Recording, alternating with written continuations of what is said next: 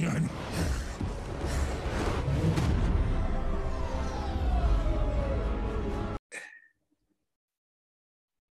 okay, welcome back guys, welcome back to our channel. Kembali lagi bersama uh, Crypto Day Channel, kita collab barak lagi bersama founder dari Bitcoin Indonesia ya guys, dari uh, ini dari Bali ya, uh, Sultan Bali ya, Cukong Bali ya.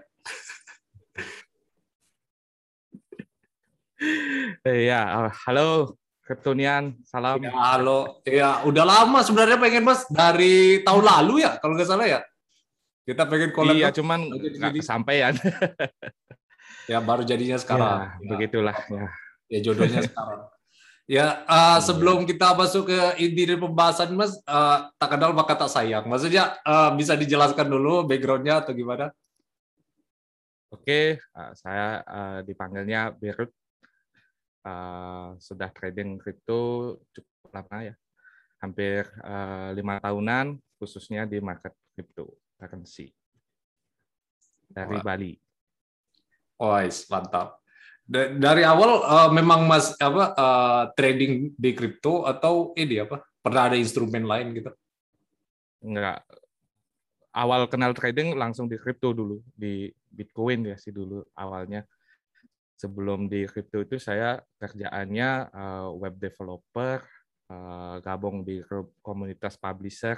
Mungkin ada teman-teman yang dari komunitas publisher nonton ini salam ya. Dulu main adsense kan masih di blog ya seperti itu. Lalu di forum itu ada yang apa? Yang jual template pakai BTC dulu di di, di forum gitu. Apa sih BTC ini? Nah dari sanalah mulai petualangan kripto itu waktu itu di tahun 2016 kalau nggak salah. Iya. Oh jadi itu ya guys apa uh, perjalanan uh, Mas Beron ini tahu dari Bitcoin trading itu uh, nggak ada instrumen lain ya, cuman Bitcoin dulu ya uh, pas 2015 gitu ya. Ya bahkan sampai sekarang juga masih kripto uh, aja nggak ada punya yang lain lagi. Benar, ya. Yang jelas ya selama kalian ya ini ini uh, jadi pelajaran juga ya guys ya. Kalau kalian expert di satu bidang uh, kenapa nggak all in aja di bidang itu ya guys? Soalnya kalau kita pecah-pecah kadang kita nggak bisa masterin juga tempat itu. Jadi ya mungkin ini iya, ada iya. salah satu uh, wejangan ya dari Sultan Bari, Cukong Bari gitu ya. Terus masalah web developer Wajib sendiri tadi. iya mas, iya namanya kan hidup kan seperti itu, uh -uh, benar. Nah terus masalah Bukan tentang sih, ya. gimana? bukan sultan sih yang sultan pasti lebih banyak pasti. Benar. Ya seenggaknya mas udah uh, setara lah. Maksudnya bukan uh, puncak sultannya enggak. Cuman uh, di kategori itulah ya terus uh, ini apa uh, bicara dengan web uh, web developer tadi Mas ini apa uh, dulu pernah ini kan punya uh, website Bitcoin Indonesia itu fungsinya edukasi seperti itu. Nah itu Mas awal mulanya bikin seperti apa? Awalnya cuma pengen uh, tulis yang saya buat sebenarnya bukan untuk uh, apa namanya cuma sebagai buku harian lah saya ngapain aja ya saya tulis seperti itu. Tapi pada akhirnya mungkin uh, banyak orang yang mungkin mengalami atau menemukan permasalahan yang sama mungkin bisa menjadi uh, referensi buat teman-teman yang uh, belajar kripto khususnya di trading gitu. Iya. Seperti itu sih. Ya, itu juga domainnya Mas bikin sendiri atau uh, beli kan domain itu? Waktu itu kan uh, aku belum kenal kayak sekarang ya. Dulu beli nama Bitcoin Indonesia itu masih bisa Cuman yang .com sudah kejual sih. Saya dapatnya .net jadi akhirnya bitcoinindonesia.net seperti itu. Kan oh. dulu uh, di marketplace kan namanya Bitcoin juga jadi saya ikutin aja nama Indonesia dulu. Iya. Gitu. Oh, jadi itu ya guys mengenai uh, apa uh, apa website yang dimiliki oleh uh, Bitcoin Indonesia ini. Um, ya uh, selain itu Waduh, macet-macet ini. Halo? Sorry, terputus-putus. Halo. Ah, masih dengar nggak mas? Aduh, ini sorry terputus-putus. Dengar dengar. Uh, unstable connectionnya. Hmm. udah di tengah-tengah ini padahal ya udah nggak apa-apa lanjut aja lah. Uh, iya sama tadi udah disebutkan uh, mengenai uh, website dari Bitcoin Indonesia gitu ya. Uh, dan juga tujuannya dibuat uh, Bitcoin Indonesia uh, website itu ya, Mas. Uh, FYI juga bagi teman-teman, ini uh, saya dulu sempat kerja juga sama Mas Edi ya. Uh, saya pernah nulis di sana, pernah juga dibayar sama Mas Edi apa Mas Berut. Siapa tahu ada yang apa uh, jago nulis kan bisa apply sama Mas Berut ini. Karena websitenya sekarang uh, apa uh, trafficnya udah mulai turun ya Mas. Gara-gara kemarin. Iya, udah, udah jarang diupdate sekarang. iya, ya itu. Uh, jadi itu FYI aja ya guys. Nah sekarang uh, Mas kan udah sumbangsinya udah terlalu uh, banyak lah Bitcoin uh, dari inilah apa uh, trading lah, uh, website lah. Nah Mas sekarang udah mulai merambah ke ini kan apa uh, YouTube YouTube channel di Bitcoin Indonesia. Nah itu Mas apa uh, startnya dari 2018 atau sebelumnya? Aku lihat dari story-nya Mas udah lama juga kan? Iya, jadi untuk trading sendiri saya itu mulai dari 2016 sebenarnya mulai start deposit uh, jual beli uh, Bitcoin itu mulainya dari tahun 2016 kan karena kebetulan waktu itu 2016 ke uh, sampai 2018 itu kan naik terus tuh. Jadi enak banget dulu waktu trading padahal nggak punya skill saya beli uh, satu hari dua hari uang nambah beli lagi nambah lagi beli lagi nambah lagi berasa apa gampang banget ini trading gitu kan. Yeah. Akhirnya uh, ketemu uh, bull run yang tahun akhir tahun 2018 itu kan saya udah di posisi yang lumayan untung banget sebenarnya ya. Cuman entah ada setup yang mas waktu udah mulai beres itu saya masuk lagi sebenarnya. Nah dari sanalah mulai gamenya sebenarnya. Hmm. mulai turun akhirnya karena uh, pengalaman kurang nggak punya strategi nggak punya rencana akhirnya saya averaging terus itu. Averaging aja tahunya tahun depannya sebenarnya. Waktu itu saya nggak tahu main beli aja main beli aja berharap harganya naik kan. Tapi akhirnya uh, di awal tahun 2018 sampai 2019 ya berarti ya atau 2019 itu kan Bitcoin nggak naik-naik ke all time high lagi kan. Itu akhirnya saya beli terus, beli terus, beli terus sampai akhirnya uh, uang saya punya itu udah hampir ke Koin yang micin banget, padahal ada ya, tapi yang pembelian gede itu ada banyak di Ethereum dan Bitcoin. Untungnya seperti itu. Hmm. Nah, sampai akhirnya bisa tahan, akhirnya sampai bertahan sampai sekarang baru menemukan bulan ini ya akhirnya terbayarkanlah semua. Iya. Jadi itu panjang banget ceritanya sebenarnya. Uh, uh. Kalau yang YouTube channel tadi Mas, uh, itu sebelum Mas uh, ini pas 2018 kan Mas mulai YouTube channel, kan Mas bilang tadi iya, trading lebih iya. awal 2018 16 ya. Iya, yang YouTube iya. channel 2018. Trading lebih awal. Mm -mm itu bikin YouTube channel kan sambil nunggu Bitcoin naik sebenarnya pada kegiatan. Ya. Karena Bitcoinnya masih turun, saya harus ngapain kan udah bingung, udah bingung posisinya. Duit udah banyak di sana, ngapain nih? Akhirnya bikin channel YouTube itu gitu. Iya. Dan udah lama nggak ke update juga sebenarnya, udah satu tahun nggak ke update, akhirnya baru mulai di update lagi dulu. Iya. Ya, jadi itu ya guys apa ya perjalanan dari uh, uh, apa uh, Bitcoin Indonesia ini uh, dari uh, trading lah, dari uh, website lah tentang edukasi sampai edukasi di YouTube channel dan itu bukan spekulatif ya guys. Jadi uh, pas di bawah tuh uh, tetap deliver ya maksudnya mas uh, nulis tulisan yeah, terus yeah. bikin konten nggak cuman kalau orang ini kan kalau FOMO ini kan uh, pas uh, pik ya kayak kemarin baru ini komen. Kalau sekarang pada diam semua kan? Iya. Makanya psikologis uh, uh, uh. cuma satu hal yang bikin uh, saya itu dulu yakin pasti suatu saat Bitcoin ini pasti bakal booming pasti di masa depan gitu. Cuman keyakinan saya itu kan seperti itu. Cuma itu aja yang bikin apa kuat bertahan sebenarnya. Tapi kalau misalkan kita uh, mulai start di 20 Bitcoin harga 40 misalkan, sekarang 800 kalau kita nggak beli kan nggak ada gunanya juga sebenarnya. Benar. iya. Jadi ya, pas jadi... kerugian di tahun 2018 itu dari sana mulai belajar, semakin mendalami, akhirnya semakin yakin akhirnya. Nah, hmm. Semakin yakin ketika bulan hari ini datang itu saya udah siap jadinya gitu. Iya benar. Teman-teman yang main kripto jangan setengah-setengah sebenarnya. Iya benar. Jadi kalau anjlok dikit jangan ini ya jadi tim cuci piring ya. Iya. Iya. Kebanyakan jadi tim cuci piring ini mas, itulah. cuci piring. iya benar. Terus uh, apalagi ya fundamental uh, udah ya, maksudnya uh, Nah, Mas kan uh, tadi udah menyebutkan kenal Bitcoin uh, apa pernah uh, Bitcoin da, kenal Bitcoin dari 2016. Nah, itu uh, Mas sendiri uh, riset tentang Bitcoin dulu atau Mas uh, terjun di koin lain sebelum Bitcoin sadar bahwa Bitcoin itu lain dari yang lain? Oh no. Saya kena scam banyak juga dulu. Iya, dulu banyak sih. Bitcoin kena ya, Mas? Bitcoin kena. Iya, Bitcoin Tapi kena. untungnya nggak banyak sih. Untungnya nggak banyak, benar. Iya, benar. Untungnya nggak banyak. Tapi lumayan juga sebenarnya.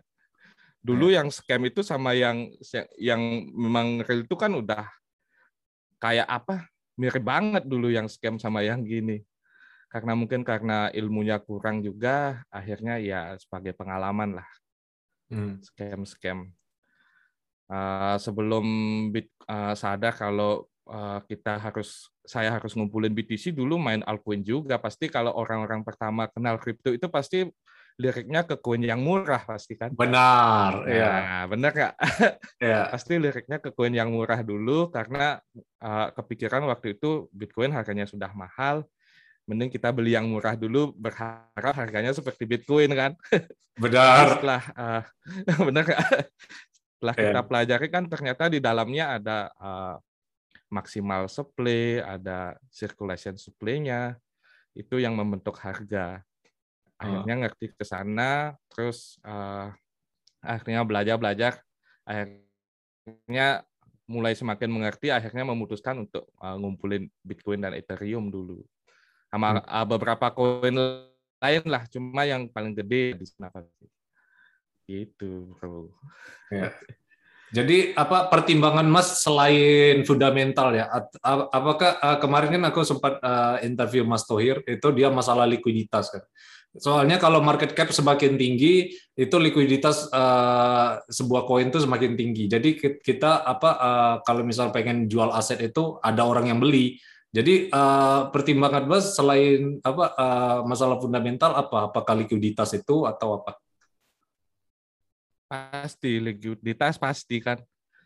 Saya dulu prinsipnya gini apa? Kalau Bitcoin sampai mati, yang lain pasti musnah gitu pikirannya dulu, bayangannya dulu. Kalau Ethereum mati, ERC20 udah nggak ada artinya lagi kan. Jadi saya beli yang itu aja gitu dulu. Iya, benar. Optimis dulu. Iya, jadi simple ya guys, apa nggak perlu simple. banyak uh, uh, banyak tetek bengek, nggak perlu banyak iya. analisa ini itu, tapi uh, iya. cuman sekedar uh, ya kalau misal udah tinggi kayak gitu kan uh, hitungannya uh, ya walaupun tanpa analisa juga ya, uh, termasuk brand juga kan, maksudnya nama Bitcoin kan lebih dikenal daripada koin lain kan, seperti itu kan? Iya. Iya, saya lihatnya juga dari uh, kebetulan karena uh, suka bikin blog. Saya lihat dari pencarian Google, cari dari antusias uh, di internet kan memang Bitcoin yang paling besar pasti. Uh -uh. Ya begitu. Uh, terus uh, ya uh, selain ah ini mudah masuk ke ini mas trading mas. Tadi kan masih ke filosofi. Ntar kita balik lagi lah ke filosofi mas dari awal gimana gitu ya. Nah, kalau sekarang ya. uh, lebih ke uh, technical analysis karena Mas sudah berkecimpung lama di trading kayak gitu ya.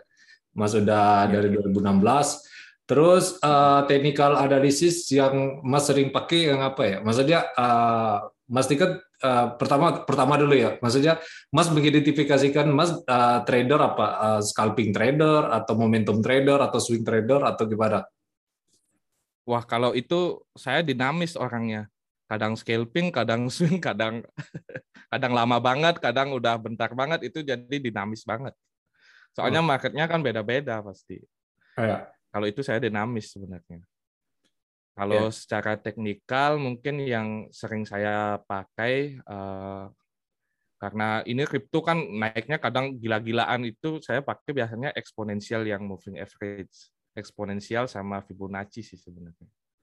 Oh Pakai iya. dua itu sama yang breakout juga. Yang breakout itu paling gampang kalau di kripto. Karena begitu breakout udah langsung diserang biasanya sama bayarnya. Entah cukongnya atau apa pasti biasanya. Di altcoin pasti. Iya, benar. Tapi kadang di kripto ini banyak kan plot, plot twistnya juga, Mas. Jadi kalau uh, breakout, fake out dia tapi turun ke bawah. Ada kan kayak gitu? Nah, nah itu seninya di sana sebenarnya. Oh, Kalau pas breakout di awal itu kan pasti eh, pasti banyak yang masuk kan. iya. Eh, well-nya pasti nggak mau nggak mau ambil rugi kan pasti turun dulu entah eh, satu hari dua harinya baru deh naik.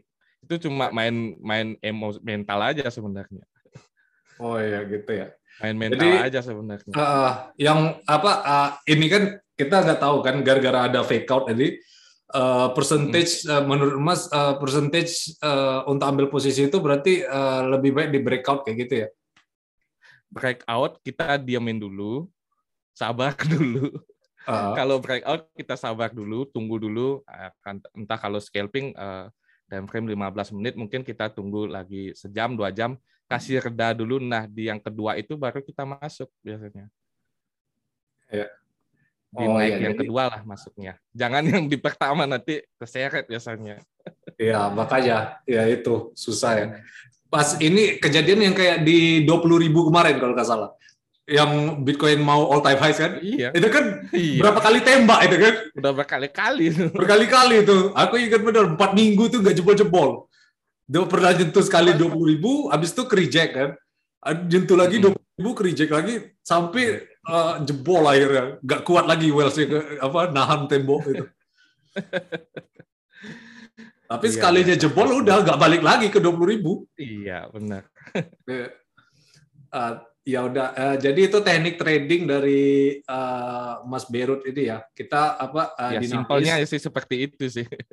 Tapi kan eh, ya trading kan ada banyak faktor lah.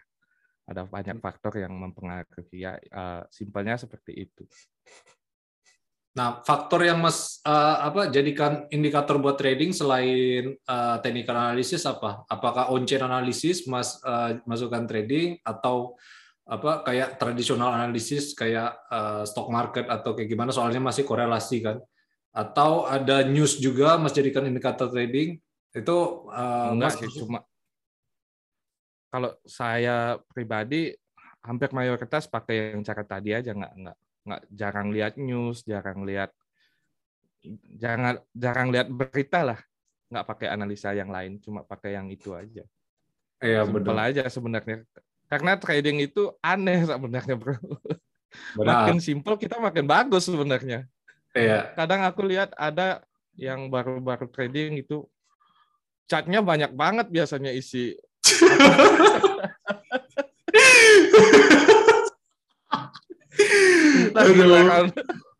Iya, kadang dia kalau kebanyakan gitu, justru dia nggak berani Iya. ngambil keputusan kan jadinya.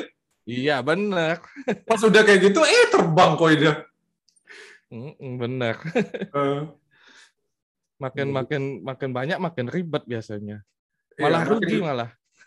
Makin nggak berani, nggak berani mencet. Iya. Iya, Mm-mm. itulah. Tapi ada yang kayak di meme itu kan, crypto meme itu, kayak ya apa? Gimana? Ada orang orang pengen ngeklik ini harganya, eh pas udah udah ini udah diklik hijau gitu kan, eh taunya anjlok ke bawah, sampai Iya. bosor bawah, sampai kita jadi tim cuci piring udah kan. dijual, Pas dijual Naik naik mantul kencang. Aduh, parah ya Bang kripto.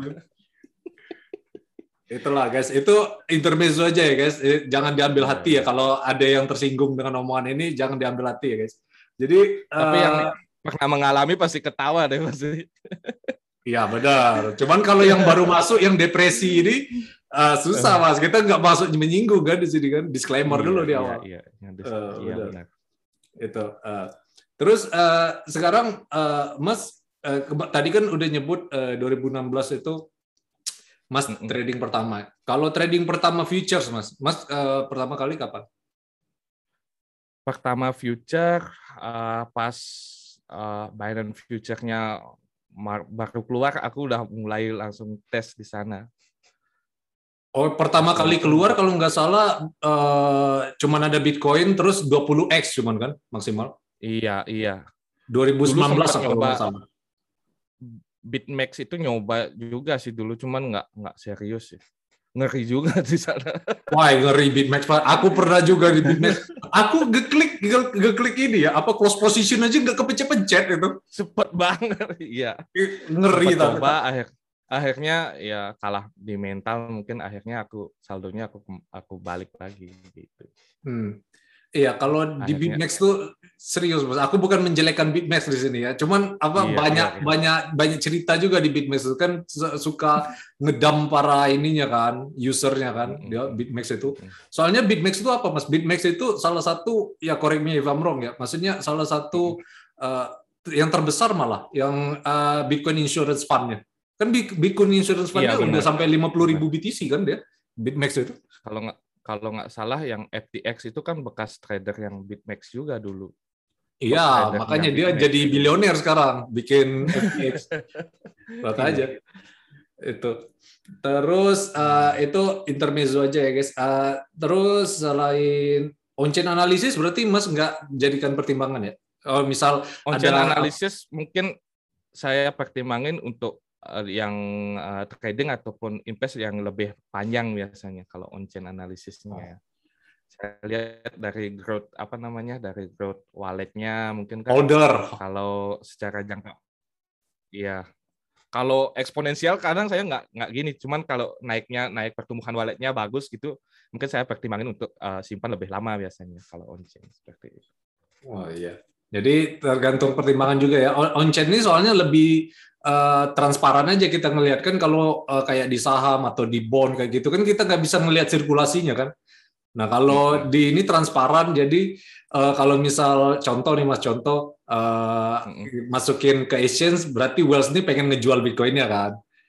Iya benar. Nah kalau misal apa keluar dia pengen ngehold jangka panjang kayak kayak gitu loh. Iya. Nah, Makanya iya. kalau cari altcoin ya cari altcoin yang pengen uh, naiknya 10 kali, 20 kali itu biasanya nggak kelihatan di permukaan dia. Kita cari di uh, blockchain-nya uh, yang baru bertumbuh, yang kelihatan akan ke depan akan gede, kita invest di sana biar kali 10, kali 20 itu kan banyak. Bahkan kemarin kemarin-kemarin masih ada yang kali 10, kali 20. Ada. Cuman kita harus sabar. iya. iya. Tapi ya itu apa siap-siap uh, juga jadi abu. iya jadi itulah. iya itu kan iya benar banget itu. Sebenarnya iya. itu duit yang pakai ke sana harus memang benar-benar duit dingin banget sebenarnya. Benar. Ya, terus uh, ide apa uh, Mas tadi kan bilang uh, gaya trading Mas ini dinamis gitu ya. Terus uh, idealnya nih uh, orang uh, especially orang yang baru bang, baru di kripto gitu ya uh, rasio uh, portofolio terhadap trading eh, trading harian, mingguan, bulanan tuh berapa persen yang ideal, mas? Soalnya kan kita nggak mungkin all in dalam satu trading kan. Kalau oh, iya kalau itu mampus kita diseret dikit liquid sudah mampus besok gembel mendadak kan. Bulan ini saya 30 persenan lah. 30 persen dari saldo ya. Dari itu di luar di luar invest apa namanya di luar yang uh, hold lama ya di luar BTC itu kan nilainya naik turun terus. Itu nggak jarang saya lihat. Kalau yang uh, khususnya yang di future market itu mungkin itu aja yang saya tradingkan biasanya. Uh, bulan yeah. ini 30 persen. Oh 30 persen ya itu udah sempat uh, 50 cuman ada loss lagi jadi 30 persen. Oh iya, karena ya, ya ada loss ya, lah, ya, ada lossnya lah. Ya benar. Jadi kalau semakin tinggi itu biasanya psikologis makin ini ya, jantung tuh makin iya. berdebar-debar ya. Iya, benar-benar. Nggak bisa tidur, ke WC bawa laptop, ya kan? Iya. Pengalaman saya dulu pernah nggak tidur dua hari, bro. Dua hari nggak tidur, ya? mantengin cat. Iya, benar. Aduh. Ya, tapi semua apa uh, sadar lah pada waktunya. Ya, ya memang aku bisa bertahan sih. Uh, Terus apa lagi nih? Uh, daily, weekly, moving average. Uh, Nah ya selain trading, selain trading Mas uh, kemarin kan Mas sempat nyoba-nyoba uh, instrumen lain kayak uh, staking dan yield farming. Nah mungkin Mas bisa jelaskan di sini. Uh, terus juga apa uh, apakah para para noob seperti yang baru-baru masuk ini uh, apa uh, untuk uh, capital gain di awal lebih amannya di situ atau trading? Nah kalau strategi sebenarnya disesuaikan sama modalnya sebenarnya. Kalau modal kita udah semakin gede, cara mengelolanya kan udah semakin susah. Jadi yeah. kalau untuk di tradingin semua kan nggak mungkin. Yeah. Jadi saya cari yang agak lebih aman tapi tetap bisa menghasilkan gitu.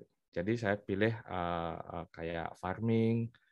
Uh, beberapa kemarin saya juga ada di game juga, bro, di aksi sama di Decentraland. Ya saya masukin yeah. semua lah, pecah-pecah Iya, diversifikasi ya. Itu. Iya, diversifikasinya masih di kripto juga. Iya, maksudnya uh, ya itu kan namanya Mas tadi kan uh, capital allocation ya, diversifikasi itu. Ya. Iya, Jadi uh, dengan uh, tujuan dari diversifikasi itu kan outperform uh, the main holding kita kan. Jadi uh, dengan diversifikasi itu kita uh, dengan uh, less risk tapi higher return. Soalnya kan uh, kalau yeah uh, paradoks yang biasa kan uh, portofolio yang biasa biasa all in kan risk to reward berbanding lurus. Sedangkan kalau diversifikasi kita less risk tuh bisa uh, higher reward. Jadi uh, maksudnya iya, seperti iya. itu ya? Iya. Uh, artinya uh, mengurangi yang resiko tinggi kita kurangin ke resiko yang lebih rendah, tapi tetap mendapatkan reward yang lumayan gitu. Iya benar. Benar sih. ya itu uh, ini mas apa uh, diversifikasinya berapa persen yang staking atau uh, yield farming? Ya ini kan tergantung orangnya ya. Ini yang uh, iya. noob, noob aja ya, yang khusus noob noob ini. Iya. Kalau saya mungkin sekitar hmm, udah hampir 30 persenan sih, hmm, hampir 30 persen, hmm. 30 persen lah untuk yang diversifikasi. Iya. Berarti Beberapa tadi spesifikasinya juga ada di di kehidupan nyata juga sih pakai ya kenangan. Iya, benar. Ya.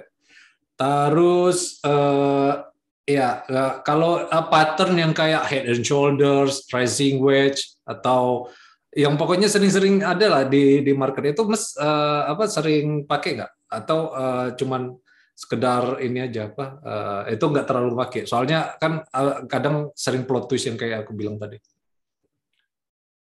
jarang sih. Mungkin yang mungkin uh, beberapa yang sering saya perhatiin juga di likuiditas volumenya aja mungkin. Hmm. Kan kadang ada apa namanya pair yang volumenya kecil naiknya tinggi kan, itu kadang balik lagi harganya. Tapi kalau nah. yang di volume gede, kalau udah mau naik pasti naik terus biasanya gitu.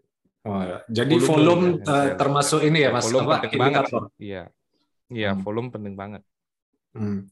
Terus aku pernah dulu kan apa uh, sebelum aku apa dulu kan sebelumnya sport juga aku, tapi pas aku kayak belajar-belajar juga termasuk dari YouTube channel Mas D pernah uh, belajar tentang funding rate itu ya, yang tiap kali 8 iya, jam. Nah, itu teknik iya. yang Mas ini uh, itu memang otodidak Mas nyarinya atau memang apa kayak oh ini uh, kayaknya ada ada klik gini, maksudnya Mas iya. ngeh ini. Jadi awalnya dulu kan saya suka nginepin posisi tuh uh, baik gitu kan. Saya diemin sampai satu hari dua hari. Saya kok kena fee ya gitu. Kok ada fee-nya yang gini nih? Uh, kenapa bisa kena fee? Akhirnya funding rate itu apa belajar belajar itu sebenarnya bisa kita manfaatin untuk dapat interest sebenarnya misalkan ya uh, misalkan fundingnya positif kan ya. positif 0,1 persen misalkan kalau funding positif berarti yang pasang short kan dapat uh, dapat dapat fee, dapat yeah. fee kan. Caranya gampang banget sebenarnya, Bro. Kita tinggal beli aja di spot, short aja di future. Itu tiap 8 jam kan kita dapat funding sebenarnya. Ya tapi kena liquidnya nggak tahu kita mas diserang kan itu kita posisinya. Nggak, tapi leverage-nya kan kita bisa pakai satu atau dua. Pakai satu aja deh misalkan. Oh. Misal kita short satu BTC, kita short satu BTC, yang di spot kita buy satu BTC. Ini nilainya kan akan tetap sama aja. Sama oh, aja kan? Kayak nah, BEP ya, BEP ya? Iya, kalau yang di future rugi, yang di spot kan untung. Kalau yang di spot rugi, yang di future kan untung. Nilainya kan tetap sama. Tapi Oh. kita dapat funding fee-nya tiap 8 jam. Nah, itu. Oh gitu. Jadi itu trik Iya. dari funding fee ya Mas. Eh, ya guys Iya. apa eh, untuk cara cuannya. Tapi kalau modal kecil susah juga sih Mas menurut aku. Iya, modal Iya. kecil janganlah, nggak dapat nggak berasa lah. Gak merasa. Modal Iya. kecil nggak berasa. Saya saya dapat eh, kalkulasi itu posisi satu bulan mungkin sekitar eh, berapa persen ya? Sekitar 2 sampai tiga persen lah satu bulan. Dari funding fee doang. Gede baru berasa. Iya, funding fee doang. Waduh. Kalau Itu mau kalah, ribet ada botnya sih itu. Iya kalah ya. Ini deposit kalah ya. Kalah staking kalah ya. Iya, kalau udah asetnya gede kan kita nyari yang lebih gede dari depos deposito, yang nyari yang lebih gede lebih dikit lah. Tapi Iya. eh, nggak terlalu high risk. Ya kalau yang eh, nge-close posisi sebelum 8 jam tuh teknik apa Mas? Maksudnya Mas yang invent apa saja yang menemukan metode itu kan? Oh, yang yang nge-close sebelum soalnya kalau tiap pergantian 8 jam tuh biasanya ada pergerakan sih sebenarnya. Nah, ada pergerakan. Jadi kita bisa manfaatin itu. Lebih ke scalping sih jadinya. Heeh. Lebih ke scalping, tapi saya juga udah nggak sering sih, udah jarang sih sekarang. Oh, berarti Mas oke banget caranya. Iya benar. Sekarang mungkin gara-gara orang terlalu banyak tahu, jadi eh, nggak bisa lagi ya dipakai itu ya.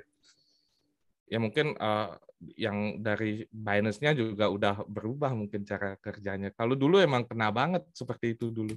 Tiap Iya. 8 jam, 8 jam, 8 jam. Heeh. Kalau sekarang sih udah nggak terlalu.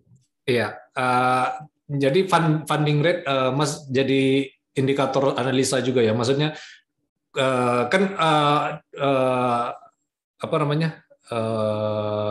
the money itu take eh, most from the market ya. Maksudnya eh, harus ada yang loss yang banyak di market supaya market itu bergerak gitu kan. Eh, jadi Nah, eh, Mas ngelihat funding rate misalnya positifnya sampai berapa persen gitu. Kan ada itu kan apa di Binance ada chartnya kan. Benar. yang long berapa, yang short berapa. Mm-mm. Mas kadang bet against itu atau gimana? Maksudnya eh, itu salah satu indikator Mas atau enggak? Nah, jadi untuk funding rate khususnya di altcoin ya ini. Kalau BTC susah kan volumenya udah gede banget. Iya. Kalau di altcoin eh, funding rate itu berguna banget, Bro.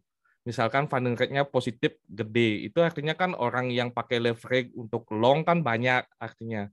Kalau funding rate-nya gede berarti orang yang eh, pasang long dengan leverage banyak. Biasanya marketnya turun kalau seperti itu. Hmm. Iya, kebalik. Tinggal kita pasang posisi, cari posisi untuk pasang ke bawah biasanya. Terus kebalikannya misalnya funding rate-nya minusnya gede. Berarti kan yang pasang short banyak banget tuh. Ini Ya. si si bandar pasti bakal naikin gitu. Jadi kita Ya. ikut pasang long jadinya. Oh ya. Jadi seperti Tapi, itu ya guys. Iya. Eh, masalah Emang kebalik sih. Kalau Oke. apa? Resepsi orang mayoritas naik biasanya itu malah harganya turun biasanya. Iya makanya apa money take from most the market kan. Jadi orang tuh Iya, emang kan. harus bangkrut biar bisa naik Iya. harganya. Uh, jadi seperti itu ya guys uh, mengenai funding rate. Uh, terus apa lagi nih banyak nih sebenarnya yang pengen ditanya. Oh iya risk to reward ratio yang paling ideal tuh berapa mas? Maksudnya uh, kan kita masang posisi itu biasanya ada stop loss gitu kan. Nah entry point uh, dan selisihnya antara stop loss itu berapa persen uh, idealnya?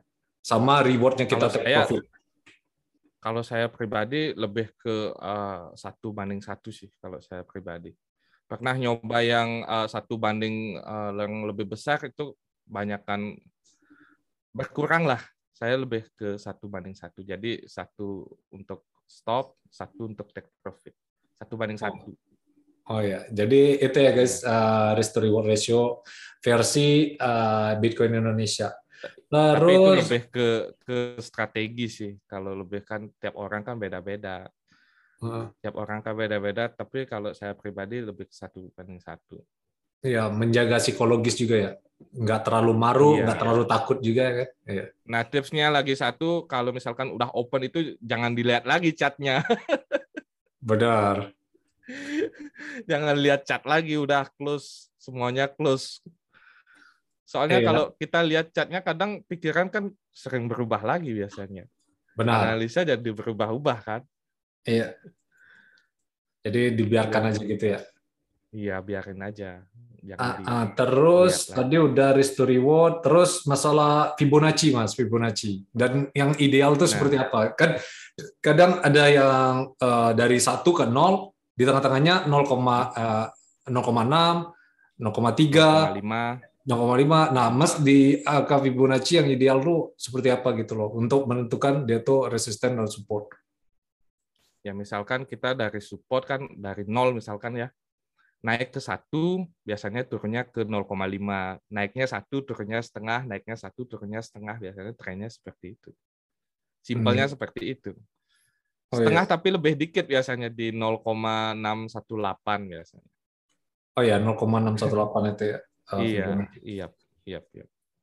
Iya, terus Kalau itu eh, memang memang ada teorinya sih udah memang di dunia trading mungkin udah, udah banyak yang tahu. ya di Fibonacci trading itu. juga banyak yang tahu. Tapi di kripto ini agak unik mas. Maksudnya kadang ya itu kan gara-gara adopsi teknologi dan FOMO tadi kan. Kadang Iya. nggak nggak ada kendal namanya Fibonacci itu. Wus, dah. Kalau udah ketinggalan kereta udah nggak ada nggak ada obat lagi. Itulah kadang Iya, eh, penyakit. Nah, terus ah ini Bitcoin price prediction mas. Maksudnya ah, apakah Bitcoin 1 m tahun ini atau tahun depan atau Bitcoin udah selesai ini udah bear market ini? Nah kalau kalau saya lihatnya eh, mungkin gamenya udah nggak seperti game bull run 2018 mungkin atau mungkin kebalikannya. Cuman saya yakin Bitcoin pasti bakal tembus 100k pasti. Targetnya mungkin di eh, 14.000 lah. 14.000 tapi lebih dikit abis itu udah langsung kayak waktu ini mungkin. Target saya sih di di sampai bisa ke apa 200 ribu mungkin kegedean ya. 200 ribu sih memang mayoritas target orang cuman eh, prediksi saya mungkin eh, mendekati 200 ribu udah mulai beres nanti Oh ya. karena itu kan target mayoritas orang kan di 200 ribu kan sering banget seperti itu sampai 160 mungkin eh, udah mulai beres eh, biar orang nggak sadar biasanya Bear market ya langsung. ya. masih iya Oh, orang langsung berita keluar-keluar kan Bitcoin ini Iya. kan orang FOMO ah itu. Misalkan tembus 160 berita banyak keluar orang kan nunggu 200k Ya. orang kan nunggu 200k mayoritas padahal nggak sadar mereka udah diberes gitu biasanya Oh. Ya, jadi saya gitu sih ya jadi itu ya guys apa 100k tuh inevitable tapi kita nggak tahu kapan ininya ya apa ah, iya nggak tahu kapan harus Iya. ada banyak yang rugi dulu ada banyak yang pasrah dulu mungkin baru bisa exactly iya iya iya iya. kalau Jadi- semuanya optimis ya nggak bakal naik lagi Ah, ah. Iya benar. Jadi ya itu ya ah, guys ah, mengenai ah, Bitcoin bisa 100k all time highs atau enggak. Jadi kita and then enjoy the ride aja ya. Jangan terlalu banyak trading tuh hodl forever aja ya mas. Iya tim hodl. Jangan, harus enjoy Iya harus enjoy the ride. Iya benar. iya Terus eh, pertanyaan berikutnya mas Eh, mengenai eh, Oh ya, tadi kan Mas sudah menyebutkan bakal bubble sekali lagi gitu ya. Ini bull market, ini baru wave pertama kan koreksi ini, baru kita terbang lagi seperti itu ya. Dan Mm-mm. ketika seperti itu, eh, Mas strategi taking profitnya gimana? Maksudnya exit plan Mas seperti apa? Wah, kalau untuk BTC saya udah susah untuk exit sebenarnya. Benar, aku juga nggak pengen jual BTC aku. Iya, soalnya aku yakin 10 tahun udah satu juta dolar BTC. Aku udah pikirannya udah di depan. Aku hidup di masa depan. Nah terus eh, yang lain mas, yang koin shitcoin yang lain, nah, itu gimana tuh? Kan biasanya Iya, lebih pump yang- tuh, naiknya 100x tuh, langsung jual ke. BTC atau gimana? Tipsnya kalau altcoin sih kalau udah jual jangan lihat lagi itu aja. Pengalaman salah saya dulu kan itu sebenarnya. Udah jual, udah untung, malah liatin lagi harganya makin naik malah beli lagi. kalau udah untung ya ambil ya pakai yang lain lah, jangan ke kripto lagi. Nikmati dulu atau atau Iya. mungkin eh, cari investasi yang lain dulu. Karena nggak selamanya naik pasti, pasti ada bear-nya dulu. Iya, jadi mas uh, Gitu. udah udah fakul yakin nih, apa walaupun bubble overbought kayak gitu, mas nggak mau jual Bitcoin mas sama sekali? susah bro. Iya benar, aku juga nggak mau jualnya, tapi apa uh, enggak biaya hidup lah, maksudnya apa bayar suswana atau apa kan? Hmm, hmm. Kalau aku yang untuk keperluan itu ada sih, udah ada. Iya. Bukan dari sini, dari iya. kalau ini memang ya untuk tabungan sih, lebih ke tabungan. Masih ya, belum nah. pengen narik juga. Mungkin uh, kalaupun nanti udah tinggi harganya uh, pengen dijual, mungkin mungkin uh, nggak nggak dijual semuanya untuk BTC sama Ethereum. Masih optimis lah untuk di masa-masa depan nanti. Oh iya. ya jadi itu ya guys, eh, nggak ada spesifik exit plan harus gimana keluar pelan-pelan itu nggak ada ya mas. Langsung apa hold nah, forever. Kalau dari sisi trading mungkin ada teman dari sisi investment uh, beda lagi. Kalau dari sisi tradingnya mungkin ada secara jangka pendek, jangka menengah itu ada. Cuman dari sisi investment ya mungkin enggak lah, masih setia sama kripto. Oh iya. Jadi itu ya odol odol forever ya, terutama Bitcoin ya. Iya. Kalau shitcoin iya. ya paling ntar kalau Ethereum udah sih. Bitcoin dan Ethereum ya. Kalau udah 100 iya. x udah keluar aja ya, jual ganti Bitcoin atau Ethereum kayak gitu ya, Mas. Iya. Nah, jadi uh, terus apalagi yang banyak pengen ditanya ya?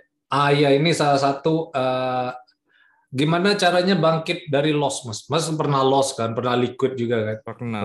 Iya, itu liquid bangkitnya pernah. gimana, Mas? Jadi saya cerita dari yang spot trading dulu ya. Spot trading itu yang minus 90 udah kayak liquid juga sebenarnya. Benar. liquid dan menyiksa. Kalau liquid itu kan apa yang di market derivatif kan jangka waktunya pendek ya. ya. Kalau saya dulu di spot trading itu nunggunya hampir tiga tahun baru baru bisa balik memang secara hmm. nilai mungkin untung tapi secara waktu udah nggak masuk akal jadinya. Ya. Di bukan yang di Bitcoin ya, bu, uh, tapi di koin-koin lain maksud saya. Ya. Jadi uh, balik dari keterpurukan emang susah sih. uh, masalah duit yang kita pakai sebenarnya kalau duitnya dari duit pinjaman, duit uh, bukan duit dingin ya bakal susah baliknya pasti. Iya benar. Mungkin nggak bisa balik mungkin. Iya soalnya udah psikologinya udah kemakan ya. Iya. Terus uh, resep emosi stabil dalam trading seperti apa mas? Kalau emosi itu ngarahnya ke modal. Kalau saya, kalau udah modalnya santai, ya tradingnya jadi santai. Kalau modalnya uh, berharap harus hari ini untung sekian itu biasanya tradingnya berantakan jadinya. Ya. Strategi nomor dua lah, modal nomor satu kalau saya. Benar. Modal yang paling penting ya. Terus uh, mengenai uh, apa lagi yang ditanya di grup ini? Iya, step by step mas untuk menjadi mas seperti sekarang. Maksudnya mas kan udah financial freedom gitu ya. Nah, step by step dari nol, kalau misal orang pengen uh, mulai trading tuh apa dulu yang harus dilakukan? Mungkin saya bacain yang saya sempat tulis di channel itu ya. Ah, ya yang tadi itu ya. Pengalaman sekalian trading ya. Ya, ya sekalian ya. share aja.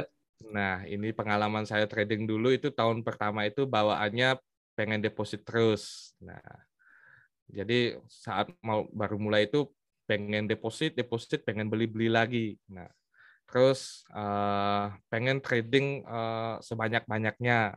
Masuk lagi keluar lagi masuk lagi keluar lagi. Uh, nggak pernah memperhatikan resiko. Uh, analisanya diganti-ganti karena mungkin masih coba-coba uh, ya. Dan cepat panik. Nah itu tahun pertama. Terus tahun kedua udah mulai uh, lebih bijak pakai modalnya. Terus uh, kalau uh, sudah sadar kalau tidak ada profit yang katanya konsisten itu udah susah memang ada uh, risk ada ada ris tetap ada resiko lah. Kalau nggak ada resiko kan nggak ada profit jadinya. Terus mulai uh, membatasi resiko belajar uh, uh, stop uh, loss terus uh, nggak FOMO itu udah baru di tahun kedua dulu. Uh, terus belajar konsisten dan sudah mulai agak tenang di tahun kedua tahun ketiga uh, sadar kalau withdraw itu penting. Dulu saya nggak pernah withdraw, bro. Saya udah nik nikmatin angka terus, nggak pernah nikmatin dalam realnya itu nggak pernah menikmati. Iya, sama sih. Jadi iya. saya nikmati angka terus, nikmati naiknya, turunnya. Agak kerasa menikmati kan. Iya. Sudah lebih peka terhadap market mungkin karena sudah uh, cukup lama terus memikir lebih memikirkan yang long term daripada short term uh, merasa jadi manusia kembali uh, udah terbiasa loss sama profit itu udah menjadi hal yang biasa terus mulai sadar kalau tidak ada cara yang 100% uh, profit ya tidak yeah. ada cara yang 100% profit. Setiap cara itu pasti ada kelebihan dan kekurangannya. Nah, yeah. Terus uh, sudah uh, nggak liatin cat terus menerus di tahun ketiga uh, dan terakhir mentalnya mungkin sudah mulai terbentuk karena uh, sudah cukup lama. Kalau idealnya sih di kripto memang sekitar 4 sampai lima tahunan sih baru ketemu sama untung itu mungkin bebas itu mungkin dari di tahun keempat sama tahun kelima jadinya. Ya. Gitu. Kalau ya, yang jadi, saya alami mungkin orang hmm. beda-beda sih juga. Ya. Jadi itu ya guys, apa uh, proses pembentukan mental tuh nggak instan dan uh, kalau udah mental berbanding lurus sama profit tuh udah udah ini ya apa uh, udah hukum alam itu ya mas mental tuh ber, ya, berbanding lurus sama profit gitu ya.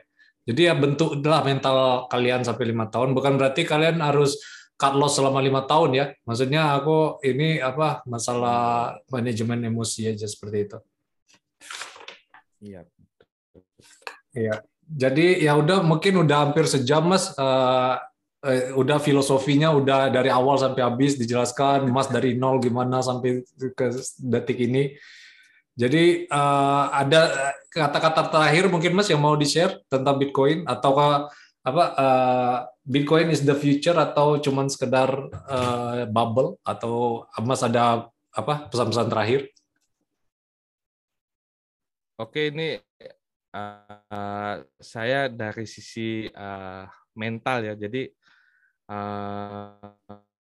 nggak uh, ada gunanya ya mengikuti Bitcoin dari apa?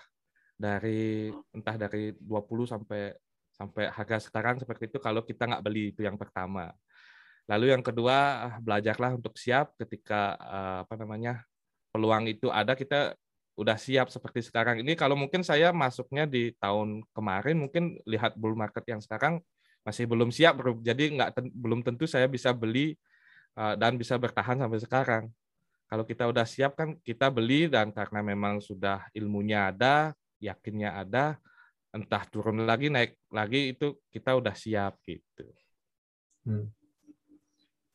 Nahan untung itu yang lebih susah kalau menurut saya.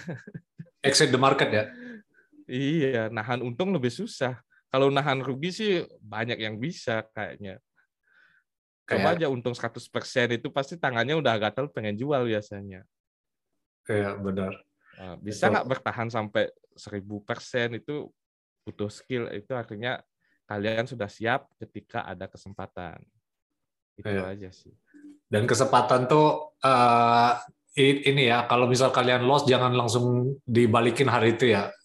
Otomatis iya, loss terus ya. Soalnya kesempatan bakal datang kapan aja gitu ya. Iya, Dan saya iya, belajar iya, banyak mas semenjak loss satu BTC kemarin aku udah cukup, aku dalam diri aku udah aku selesai trading. Mungkin tahun depan pas mental aku udah slow lagi, udah baru aku masuk lagi. Aku nggak nggak nggak nyentuh nyentuh lagi tuh. Aku nggak lihat chapnya lagi, aku nggak lihat uh, app ya lagi, udah aku hapus app ya kan. Jadi ya udahlah, aku udah fokus. Jadi nggak ada urusan itu. Yang jelas kita udah punya aturan sendiri kan. Trading tuh juga punya aturan. Iya. Nah mungkin iya. terakhir nih sebelum penutup uh, sekali lagi, Mas kan udah kasih kata terakhir ya. Uh, rules dari trading tuh Mas, uh, bagi Mas apa aja? Simple. Rules trading itu kenali diri kalian sendiri itu aja. ya. Jangan ikut orang lain, kenali diri kalian sendiri. Jadi hmm. Kalau kalian pengen sukanya untung cepet ya mainnya yang untung cepet. Kalau kalian kuat nahan untung mainnya yang agak long term gitu. Jadi kenali diri sendiri itu paling penting. Nah ya. Dan apa sampai detik ini kan orang uh, masih susah uh, ngenalin diri sendiri ya. Apalagi iya. pengaruh dari sosial media tuh uh, inilah orang suka pamer profit lah, pamer apa lah. Jadi gampang untuk menjadi orang lain. Jadi uh, iya, benar ya itulah apa uh, kenalin diri sendiri itu penting ya guys. Dan untuk kalian keluar dari sosial media nggak baca berita itu salah satu uh, kunci sukses trading ya mas. Karena kita apa terjaga secara emosional gitu ya. Betul betul betul, betul. ya udah ya kurangi ikut ikut channel juga sebenarnya dikurangin aja sebenarnya. Benar. Iya. Ya channel yang yang yang uh, FOMO lah. Kalau channel untuk edukasi ya nggak masalah pasti. Ya benar. Ya juga ya, mungkin itu aja guys. Uh, Mas makasih banyak. Udah malam di Bali juga kan udah sejam lebih. Maksudnya uh, udah jam 11 gitu ya sekarang. Jadi ya. nggak enak juga saya mau apa sebenarnya banyak pengen ditanya cuman ntar lah pas part 2-nya pas 100 k aja mungkin ya. Pas 100 k ya, kalau lagi viewsnya pasti kita compare di mana yang sekarang ya, yang buat teman-teman ini jangan lupa subscribe nih channel ini nih. Oke nih. Iya, subscribe juga apa uh, Bitcoin Indonesia, BCI channel, trading ya walaupun apa uh, VIP ya Mas itu ya. Yang di YouTube Nggak, itu, itu udah aku nggak udah nggak aku lanjutin sih, udah ya cukup segitu aja lah. oh, nggak ada berarti cuma kan 200 bukan, member itu aja ya. Bukan bukan bukan cari keuntungan dari edukasi sih, dari cari member biar nggak salah paham lah. Iya, soalnya kalau apa terbentuk kayak gitu udah kayak circle kan Mas. Kita kan segrup itu udah kenal orangnya itu itu aja juga kan. Iya. Jadi sama-sama ngerti pengen, isinya. Betul, betul banget. Uh -uh. kalau nanti ke edukasi berbayar itu ceritanya lain lagi, Bro. Iya, itu kayak channel sebelah lah. Aku nggak pengen sebut lah siapa itu. Iya, iya lah banyak sih macamnya seperti itu. Ya udah Mas, sukses selalu ya Mas. Uh, mungkin next time part 2-nya pas 100K. Makasih banyak udah ya, tampil di channel Crypto Channel. Ya udah itu aja guys, itu aja uh, karena agak panjang leave a like and subscribe to my channel ya.